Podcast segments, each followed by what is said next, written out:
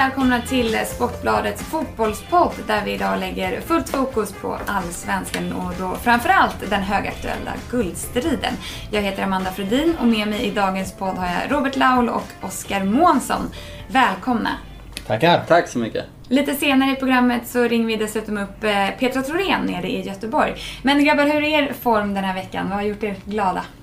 Det är faktiskt mycket glädje den här veckan. Jag noterade ju här att eh, Miroslav Klose, den här fantastiska människa, eh, gör ett mål mot Napoli för sitt Lazio med handen. Målet godkänns men han erkänner att han har gjort det med handen och målet döms bort. Han får en varning och nu hyllas han över fotbollsvärlden för detta. Det är inte första gången han gör det. Jag menar, om man beundrar den här människan tidigare så, så togs det ju ytterligare ett steg. Jag är väldigt glad att jag har satsat allt mitt krut, eh, idolkrut, på just Miroslav Klose när, när man ser det här hända. Så att det är mycket glädje. För er som inte känner till det så älskar ju Robert Laul eh, tyskar och framförallt då Klose. Oskar, vad har gjort dig lycklig den här veckan? Ja, men det, finns, det finns någonting som har gjort mig djupt eh, och innerligt lycklig den här veckan och det är att min eh, kollega här Robert har blivit utnämnd till Sveriges sämst, sämst klädde man av tidningen Café. Vilket, ja det känns så stort att få sitta här med Sveriges sämst klädde man och bara suga in inspirationen. Nu är det här en poddradio då, då kanske ser ju inte ni hur vi ser ut här men det kan ju tilläggas att... Du kan ju beskriva, den som, beskriva lite. Nej, den som levererade denna, denna okamratliga sågningen och han sitter ju alltså med ett par nyinköpta skor som ser ut som den amerikanska flaggan. Så att jag vet inte om det var rätt man att uttala sig. Oh, det haglar redan i podcasten. Jag tycker vi ger oss in på det vi ska snacka om, alltså allsvenskan. Igår så drabbade ju två av de fyra toppkandidaterna samman, alltså AIK tog emot Elfsborg. 1-1 slutade det och eh, ni var båda på plats. Vad är er analys av den här händelserika matchen? Att det var eh, första gången i år i den här guldstriden som man liksom fick känslan att Oj jävlar, eh, det här var ett toppmöte i guldstriden. Varenda liten detalj i matchen, eh, varenda liten duell fick liksom publiken att reagera. Spelarna reagerade, ledarna på bänken flög upp. Det var alltså en sån anspänning och en sån intensitet som, som gjorde det till en eh, fantastisk upplevelse. Och fastän det var en sån eh, eh, betydelsefull och tuff match med derbykaraktär kan man säga. Eh, så lyckades ändå spelarna behålla en ganska hög kvalitet. Så att, eh, i, I själva spelet då. Så att eh, det var en häftig fotbollsupplevelse. Var det en tabbe från Majstorovic där vid 1-0?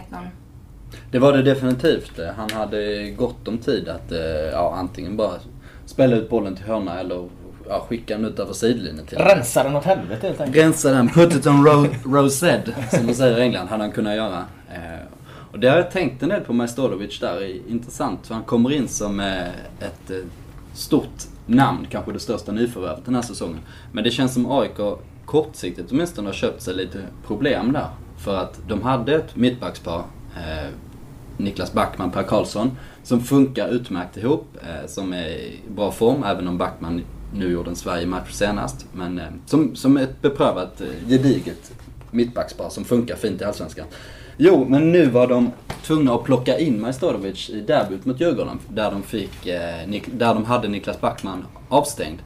Eh, och då tog de in honom ganska tidigt. Han kommer tillbaka från sju månaders korsbandsskada.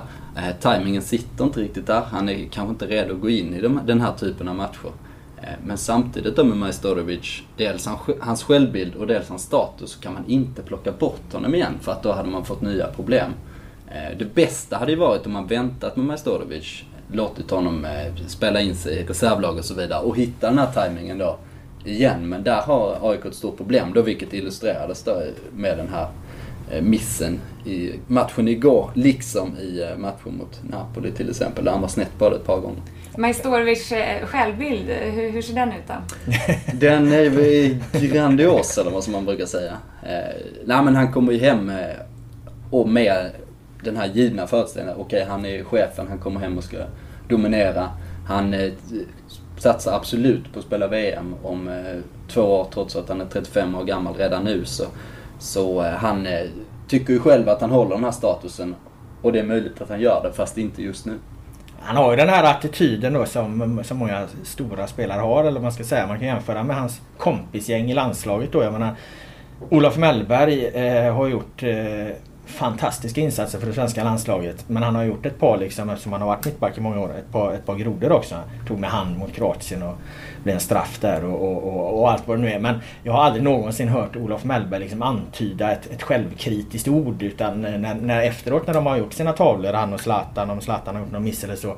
Då kommer de ut till journalisterna och hur mycket frågor de än får det så liksom de bara ah, det, det, det liksom bara rinner av dem. Det är som att hälla vatten på en gås eller vad, vad, vad uttrycket är. Eh, och Majstorovic är ju precis likadan. Han, han, han, skulle aldrig ta på sig eh, att han har gjort ett fel i det här läget. Fastän det är helt uppenbart i, i matchen mot Elfsborg att Eh, eftersom han inte är, som Oskar var inne på, uppe i, i 100%. Han, han, han är liksom, vare sig mentalt eller liksom kroppsligt, så blir han lite för seg i den här situationen. När Niklas Hult skjuter från kanten, eh, då är alltså målskytten Viktor Claesson är fem meter bakom honom. Och returen kommer, ändå är Claesson före Majstorovic på returen. Och det, det är ett typiskt liksom exempel på en spelare som inte är i topptrim. Så du har helt rätt Oskar. De skulle givetvis ha väntat med honom tills han är 100%. Nu blev det inte så och AIK har därför haft i de fyra eh, senaste matcherna, även om man höll nollan mot, eh, mot Djurgården, problem med försvarsspelet eh, som helhet. Alltså det är inte bara Majstorovic fel där men när man har börjat liksom röra på det så är det inte det här, den här liksom kompakta muren som AIK var under hela våren, var under hela förra året egentligen. Alltså de, de, det har de tappat och det gäller det att de hittar tillbaka till för nu har de ett ganska besvärligt läge i guldstriden. Sen ska man komma ihåg att eh, det är inte bara det att han har sju månaders eh, frånvaro, skadefrånvaro. Utan det är just en korsbandsskada också då som han eh, kommer tillbaka från och det är jävligt bökigt Och hitta den här, alltså den här, den här instinkten som man, som man har normalt som fotbollsspelare. Den blir man av för det ja. infinner sig ett litet, litet tvivel. Mm. Själv drog jag korsbandet när jag var 16. Du har fortfarande inte kommit tillbaka? Ja, absolut. Och jag har absolut inte kommit tillbaka sen dess. Liksom. Och då är du ändå 42 nu. Alltså, nej, men jag menar, eh, det är klart att det här blir ett problem för dem i, i guldstriden och vara så, så många poäng efter och så har, har man det här över sig också. Du kanske också inte har lika grandios självbild då som är Min eh, självbild var ju grandios med tanke på att när jag var 14 eller 15 år gammal så spelade jag med Zlatan i något litet sammanhang. Den har man inte hört förr. Fick du sagt det? Fick du sagt det för 20 gången? Jag brukar. För ny, nytillkomna lyssnare som det heter så har Oskar Månsson spelat med Zlatan kan du säga Amanda. Ja, ja, vi säger så. Eh, jag tänkte vi går vidare, för om vi kollar då på kvitteringsmålet igår, eh, Lorentzons mål. Det var ett av de hårdaste skotten en AIK skjutit på Råsunda på 75 år, sa i varje fall Lasse Granqvist. Eh, håller ni med? Jag gillar Lasse Granqvist jättemycket men jag ifrågasätter hans eh, närminne för att man behöver inte backa särskilt långt den här säsongen. Det är alltså AIK GIF Sundsvall på, på Råsunda. När Alexander Milosevic får bollen i eh, mittcirkeln Alltså vad snackar vi? 40-45 meter liksom. Ja. Och få på en sån pärla i eh, Oskar Berglunds högra kryss. Eh, jag skulle vilja säga att det skottet är ungefär 75 gånger hårdare än Martin Lorentzon. Så att eh, Lasse Granqvist får, får nog liksom eh, börja se över vad han minns och inte minns. Jag tror hans eh, sympatier för AIK löser igenom där. Han kan bli lite för exalterad. Ja men då kan han ju fan inte glömma Milosevic skott. För det måste vara årets mål i Allsvenskan. Jag kan inte se något som är värre än det. Vissa vill ha det här Ishizaki det här eh, när han eh, skjuter på, på, på volley från halva plan liksom. Den studsar liksom förbi målvakten. Men det tycker jag mer är ett, ett slumpmål på något sätt. Alltså, Milosevic eh, ohyggliga kanon.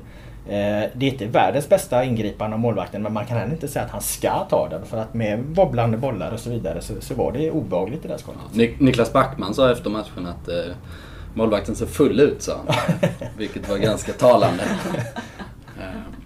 Nej, jag håller med. Det var ju klart att eh, Milosevic skott var dubbelt så hårt och det finns ju, ja, det finns ju 20 skott till Allsvenskan som är betydligt hårdare. Men det var ett väldigt fint mål. Det var ett fint mål var det och den här Lorentzon har ju haft en förmåga att, att, att göra extremt mycket viktiga insatser för AIK. Viktiga mål och bra prestationer. Han gjorde en väldigt bra match för övrigt. Han hade en svår motståndare mot sig, Niklas Hult då, som, som ju far förbi varenda högerback i, i Allsvenskan. Och han får ju förbi Lorentzon ett par gånger, det ska man säga. Men vad, vad gjorde Lorentzon då? Jo, först så tacklade han eh, halva axeln och led i första halvlek och sen tog han resten av axeln i andra halvlek. Och det är också ett sätt att stoppa sin motståndare. Eh, Stefan Ishizaki han sa att, eh, eller han skrev på Twitter, han sågade domaren. Eh, vad säger ni om Martin Hanssons insats igår? Ja, sådär, det var väl inget, eller sådär, det var faktiskt inget vidare. Han tappade inte matchen helt, det ska man inte säga. Men det, men det kändes lite skakigt med gula kort hit och dit. Och eh, ja, Anders Svensson borde väl åkt ut egentligen. Eh, I den här situationen som har diskuterats. Där han först mejar ner Kari Kari på mittplan. Eh, det är förmodligen en varning, kanske inte solklart. Men därefter så ger Anders Svensson eh, Martin Hansson ett antal ord och en ironisk applåd som är väldigt tydlig. Och eh, därefter, 30 sekunder senare, så följer han eh, följer han Martin Hansson genom mittcirkeln. Att, att man ser att han fortsätter käfta emot riktigt aggressivt. Liksom. Så, och där låg ju Anders precis på gränsen. Man undrar ju vad man tror att man ska tjäna på de här ironiska applåderna. Man är ju förbannad bara. Eh, man, istället för att skrika rakt ut så, så kör man liksom lite hånfulla stilen istället. Men det, det ligger ju en intressant diskussion i det där för att eh, folks reaktioner blir så här, ja men Anders han klarar sig för att han är liksom eh, landslagshjälte och, och, och och har den pondus han har och har varit med så himla länge och så. Och jag minns att när Henke Larsson spelade i Allsvenskan, så fort han kom tillbaka så blev det direkt den här diskussionen att han hade domarna på sin sida. Han kom undan med saker och ting, någon armbåge här och, och, och eh, spelare runt omkring beskrev att han var ett riktigt svin på planen och så här. Men han klarade sig. Och, så, och jag, jag tror att det ligger eh, en del i, det här men jag tror inte att det är så att domarna har någon tanke att de har eh, för mycket respekt så de inte kan ta upp utvisningen eller det gula kortet. Däremot tror jag att de här är så erfarna de här spelarna. Så att jag tror att de känner lite. Jag tror att Anders, eh, när Martin Hansson ger honom gult kort i slutet av, av första halvlek här då på Råsunda. Då är det, då är det den fjärde Elfsborgsvarningen på en halvlek. Det är rätt många varningar. Eh, Anders får en han vet att det ska jävligt mycket till att Hansson i det läget drar upp ett till gult kort. Fast det kanske är enligt regelboken att han ska göra det. Men att göra det i det läget det, det händer kanske inte. Jag tror att Anders, de är så erfarna de här spelarna. De vet ungefär de vet att de kan ligga på gränsen men de kliver inte så ofta över den gränsen. Ungefär så, så tycker jag att Henke fungerade i, i många situationer. Och det, det, är därför jag tror att Anders gör den här applåden. För han vet att det ska jävligt mycket till att Hansson i läget då ska dra upp ett, ytterligare ett kort. Va? Jag tror det kan spela viss roll även på andra hållet. Okay. Eh, mycket för att eh, de här spelarna då, som Henke och, och Anders, som, förresten så många jag tror många inbillar sig att de är svärmorsdrömmar så här på planen, men det är de absolut nej, inte. Nej, utan de är, är värst av alla. Ja, de är bland de grisiga, grisigaste som finns, båda två faktiskt. Eh, nästan bara på gott då, det är väl mycket därför de har kommit dit de har gjort. Eh, men i Anders och Henkes fall så tror jag att dels, dels att de eh, vet vart gränsen går, men också för att domaren känner dem mm. eh, sen så många år tillbaks. Liksom, så de har Eh, haft en eh, dialog och de har käftat mot varandra. Men de har också pratat på ett annat sätt. Om det kommer liksom in en så här eldig nykomling och, och ber någon dra åt helvete spontant liksom. Då tror jag att domarna bara instinktivt, okej okay, men självklart här har du ditt eh, andra gula kort. Så där tror jag också det finns en nyans liksom, av, av fördel som den här typen av spelare har. Sen finns det en intressant debatt i debatten där om, om domare, hur det blir liksom eh, diskussioner om domslut och så. Alltså det, det, Eh, det vanligaste är ju att eh, det är en tveksam handssituation exempelvis i slutet av en match. Och så kanske domaren gör fel eller han, den är tveksam eller den är på gränsen eller ja, hur beslutet än nu blir. Det blir ett himla fokus på den här situationen som egentligen inte är något stort, stort problem eftersom det är bedömningssituationer och så. Men det blir mycket om det i media. Det blir mycket diskussioner om det. Domarna kan få mycket skit. Medan det man egentligen kanske ska diskutera när det gäller domarna det är ju Martin Hanssons insats igår som inte, inte innehåller några klara avgörande misstag. Däremot en enorm liksom, nivåskillnad på första halvlek och andra halvlek. Han gör alltså en dålig domarinsats i den matchen, eller en svag, eh, svag domarinsats. Men ur det perspektivet diskuterar man sällan domsluten utan man diskuterar dem bara när, eller domarinsatserna, man diskuterar dem bara när de bränner till. Man hoppas ju och vet ju, vet ju att eh, förbundet har ett lite annat sätt att se på det. De betygsätter domarna i en 10-gradig skala tror jag det är efter, varje match och så vidare. Så att jag kan inte tänka mig att Hanssons eh, eh betyg var särskilt högt i, i, i den här förbundsanalysen då, som görs av domarkontrollanten.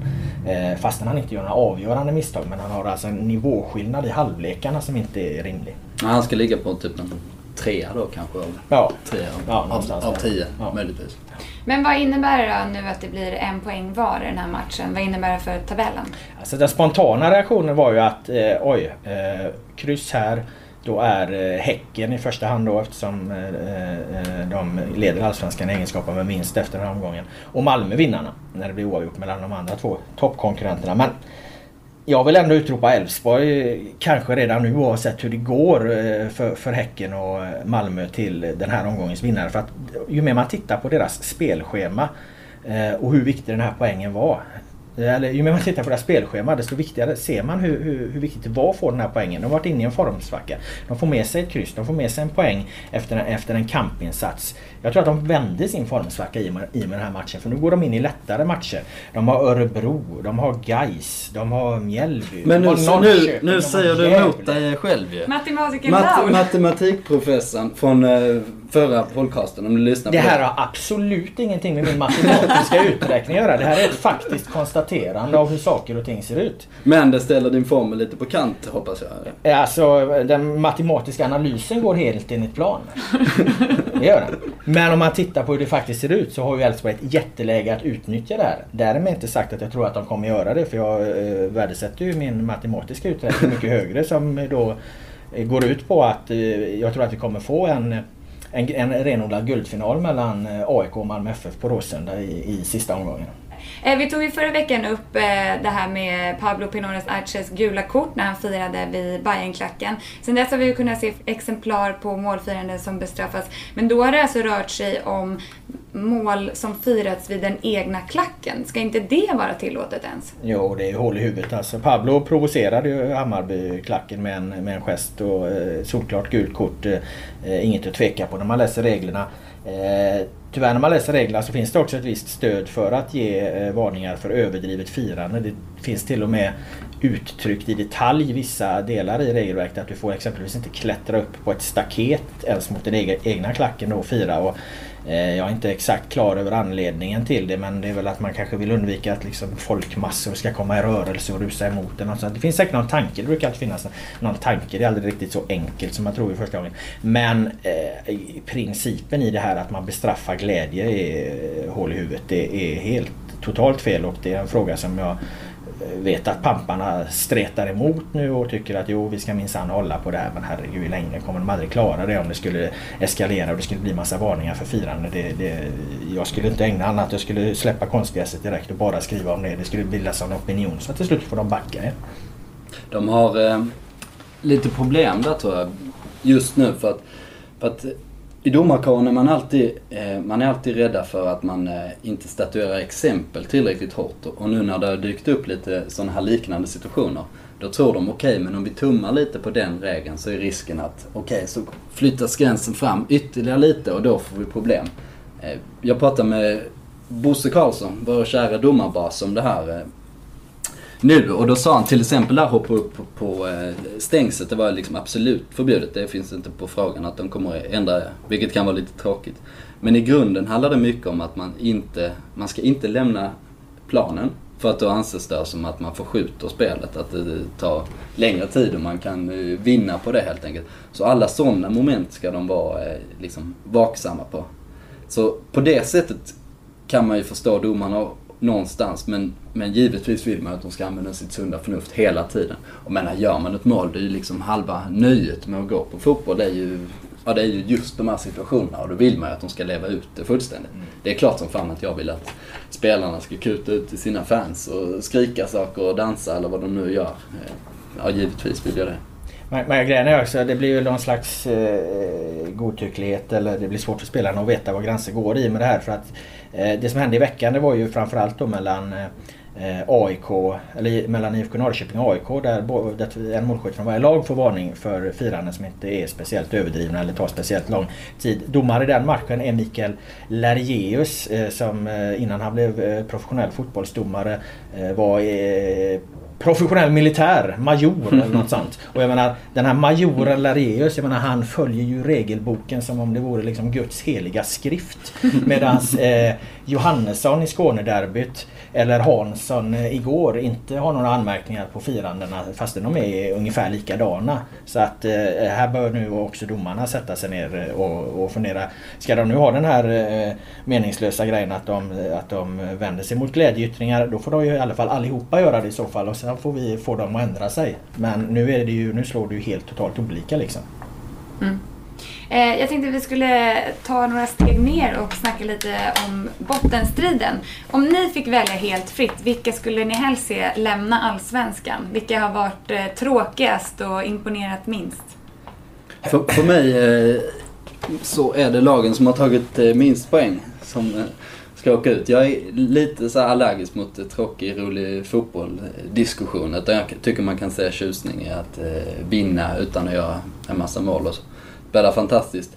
Eh, enda undantaget är väl överhuvudtaget är väl att jag, att jag skulle tycka det var kul om Hammarby är med i Allsvenskan. Så det är tre Stockholmslag. Det blir ytterligare ett derby för jag tror att det skulle gynna det stora intresset. Men annars det jag skicka ner Gais och Örebro för de har varit sämst då.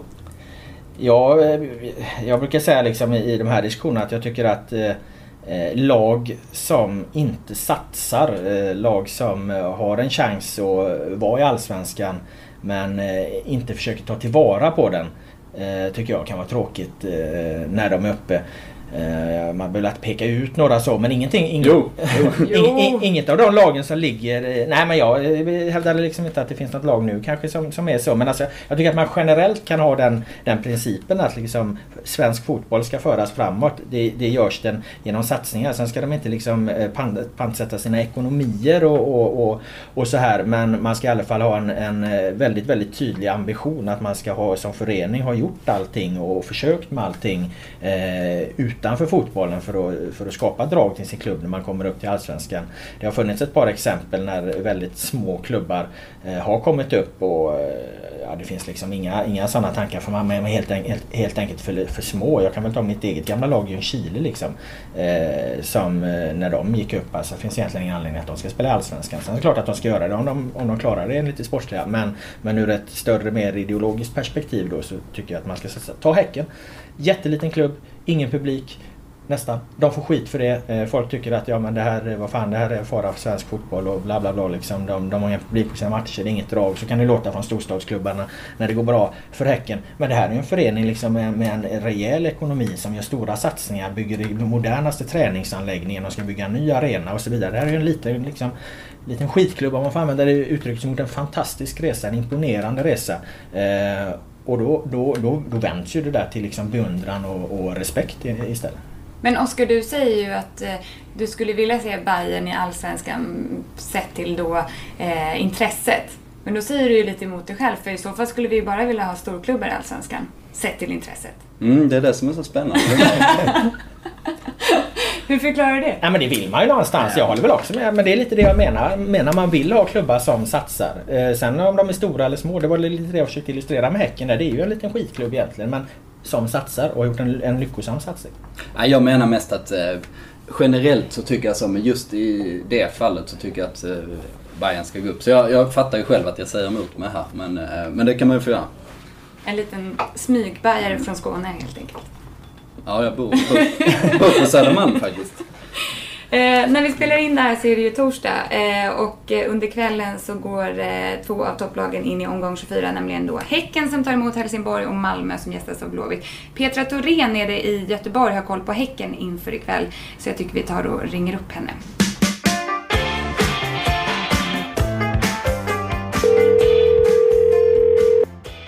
Ja, Petra, du var ute på Häckens träningsanläggning igår. Hur var stämningen där ute? Ja, stämningen är eh, otroligt god. Det är ju så att eh, om många är förvånade i Sverige över att Häcken är i den här positionen så är de själva inte ett dugg förvånade. De har jobbat för det i flera år, de har längtat efter det här och de njuter verkligen utav det. Man, det var avslappnat, de är glada för att vi är på plats, eh, vilket inte är så ofta annars, att det är uppmärksamhet. De, jag tror verkligen att de njuter utav hela den här situationen. Vad pratar de själva om att de behöver för nycklar till matchen ikväll mot Helsingborg? Ja, de vet ju att det är en väldigt svår match. Eh, de har vunnit många svåra matcher men de vet att Helsingborg är ett bra lag och eh, stod upp bra mot Malmö senast. Eh, det Peter Gerhardsson betonade inför matchen där att, att de får sitt egna passningsspel som är en nyckel i deras spel att fungera. Att de får rörelse, alltså får se till att Helsingborgsspelarna får flytta på sig. Sen vet de att det blir en blandning mellan etablerat passningsspel och lite mer omställningsspel än vad de kanske brukar ha. Att de är, är redo att gå i omställningarna så att säga, med sina snabba spelare. Och sen vet jag att han varnade lite för inläggsspelet eh, från eh, Helsingborg, från högerkanten. Så att eh, det talar väl för att Tom eh, Söderberg som har varit skadad en del eh, och körde sin första träning igår ändå får spela. Han är en väldigt stark eh, huvud, huvudspelare. Så att eh, litet varningstecken. De är redo och de vet att det är ett väldigt, väldigt bra lag som de möter idag. Hur är stämningen nere i Göteborg då bland fans och folk på stan nu när det är Häcken som, som är i framkant och inte Blåvitt? Ja, den är väl god framförallt ute på hissingen då. Nu är folk rätt upprörda över den här match, tidstarten. Alltså matchen börjar 18.00. Det är ju en svår tid för publiken och ett, häcken har ju ingen stor publik. De har, kommer ju upp på 4 000 nu ute på, på hissingen. Jag tror att eh, eh, supportrarna, Gais supportrar, Blåvitt supportrarna inne i stan däremot, de är nog lite svartsjuka att händelserna och fokus förflyttas över älven. Eh, absolut.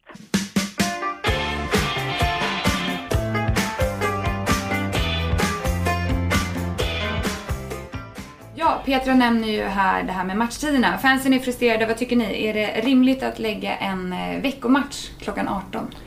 Eh, svår fråga, men jag tycker att man ska ha respekt för TV om man börjar där. Eh, för att de pumpar in en massa pengar i svensk fotboll som svensk fotboll är absolut beroende av. Men jag köper fullständigt det här eh, uppropet som Helsingborgs supportklubb Kärnan har gjort nu. Eh, eftersom vad de vänder sig mot det är att det är två heta matcher den här kvällen. Eh, Häcken-Helsingborg börjar klockan 18. Eh, Malmö FF Blåvitt börjar klockan 20. Anledningen eh, att TV ska kunna sända båda Eh, det försvårar för Häckensupportrarna. De, kan inte, de hinner helt enkelt inte upp till Göteborg. De hinner inte se den här matchen live. Eh, vilket är, är, det absolut viktigaste svensk fotboll har. Att, att vi har det här supporterengagemanget. Eh, och då har TV roffat åt sig för mycket av kakan. Eh, Okej okay att man i vissa fall kan, eh, kan gå eh, TVs ärenden. Eh, med tider och så. Men nu, nu, nu, nu drar man det ett steg för långt när man lägger en match klockan sex och, och, en match klockan åtta. Eh, I den här frågan så, så, tycker jag faktiskt att supportrarna har rätt. Jag tycker det är bra att de engagerar sig. Jag tycker det är bra att de driver debatt. Däremot gillar jag inte bojkotter. Det, det, som det nu pratas om då, att de ska bojkotta den här matchen. Det brukar inte leda någonstans. De har skrivit ett bra inlägg på, på sin hemsida. Vi sitter och diskuterar det här. Eh, det kommer bli debatt av det. Man behöver inte bojkotta. Det gjorde Zlatan Ibrahimovic under många år till medierna och det gynnade knappast honom. Vad beror det gynnar någonting. vad beror det gynnar? Vad beror det nu igen? Vad beror det på egentligen? Men jag är inte som dig Månsson. Jag behöver inte saluföra mina duster med Zlatan i tid och otid. Men har, har jag inte rätt då? Om sporten? Jo, jag håller absolut med. Eh, och eh, sen, jag kan inte exakt eh, vilka intäkter det handlar om för TV-sidan, vad det betyder. Och så här, men det finns ju också ett, även för TV och själva marknadsvärdet så finns det också ett långsiktigt perspektiv. Om, med borta supportrar så att de är jävligt viktiga på en arena. Att det spelar väldigt stor roll om det kommer, vad nu kan skilja, om det kommer 15 Helsingborgs supportrar eller 150 kanske mm. i, i en sånt här läge så har det ju ett jättestort eh, egenvärde i sig. Plus att jag tycker det är vardagsmatcher ska spelas senare också. Det blir lite skönare känsla att spela. Uppmaning. Med sen, sen avsparkstid. Uppmaningen är från min sida i alla fall. Åk dit, upp med era plakat, sjung era sånger, demonstrera eh, på läktaren, väck debatt liksom. Eh, som sagt så spelar ju också Malmö då mot Blåvitt. De ligger tre poäng efter ledande Elfsborg. Matematiker Laul, eh, vad betyder en vinst för Malmö ikväll? Eh, att eh, matematikens tips går enligt plan skulle jag vilja säga. Eh, de möter ju, får vi säga, ett bottenlag faktiskt. Vilket IFK Göteborg nästan är den här säsongen. Eh, jag har tippade faktiskt den här matchen på min blogg och jag tyckte att det mest logiska resultatet var väl en 2-0 till Malmö FF. Även om Malmö nu har en trend där av de senaste, vad har vi, tre, fyra matcherna. Där de bara gjort ett mål i snitt och sen har tappat Ranegi. Så det är klart att eh, Malmö behöver få fart eh, på, på sin målproduktion. Det Malmö har fått fart på kan man säga, eh, vilket syntes väldigt tydligt i derbyt, det är att de har satt sin defensiv på ett intressant sätt. Pontus Jansson är på väg att göra en ny strålande höst. Mycket imponerad av honom och bredvid honom spelar den här unge Filip Helander då. Eh, som var så, så katastrofalt misslyckad mot Häcken när de fick stryk med 5-0 där i våras. Men behärskar alltså ett Skånederby på en eh, glashal eh, matta med, under full storm och den intensitet. Eh, det här behärskar han liksom. Det är ett stort steg framåt i hans, eh, hans eh, karriär. Så att eh, Malmö har eh, problem men Malmö har, eh, verkar ha löst sin defensiv på ett jävligt intressant sätt för framtiden här då. Oskar, håller du med matematiker Laul? Eh, vad det gäller Malmöanalysen gör jag absolut det. Med, när vi förenklar saker då säger vi att de, eh, de har en bra defensiv och problem med att sätta dit bollen. Men i Malmös fall är det ju precis så. Dels det mittbacksparet eh, men också att Mikko Albornoz som har gått över som högerback. Det har han sig gjort ett tag nu men han är ju nästan seriens bästa på position. Otroligt bolltrygg där. Mm. Men då i anfallet då har de fått in Ranti, den nya sydafrikanen som har, har gjort en hel del Eh, lovande insatser och som eh, är farlig. Men han är ju också Malmös enda riktigt vassa vapen framåt ju. Har tjatat om det med Daniel Larsson. Eh, ja, väldigt snabb och bra balans men som avslutare är han ju Allsvenskans sämsta egentligen. Han har, han har gjort tre mål nu på hela säsongen. Trots given startplats i ett givet topplag. Så alltså det är både och för Malmös del. Men jag, jag lite, ja, men jag ja. tror så här också att, eh, som bara slår mig nu när vi sitter och pratar här att eh, Pekalski är med i truppen.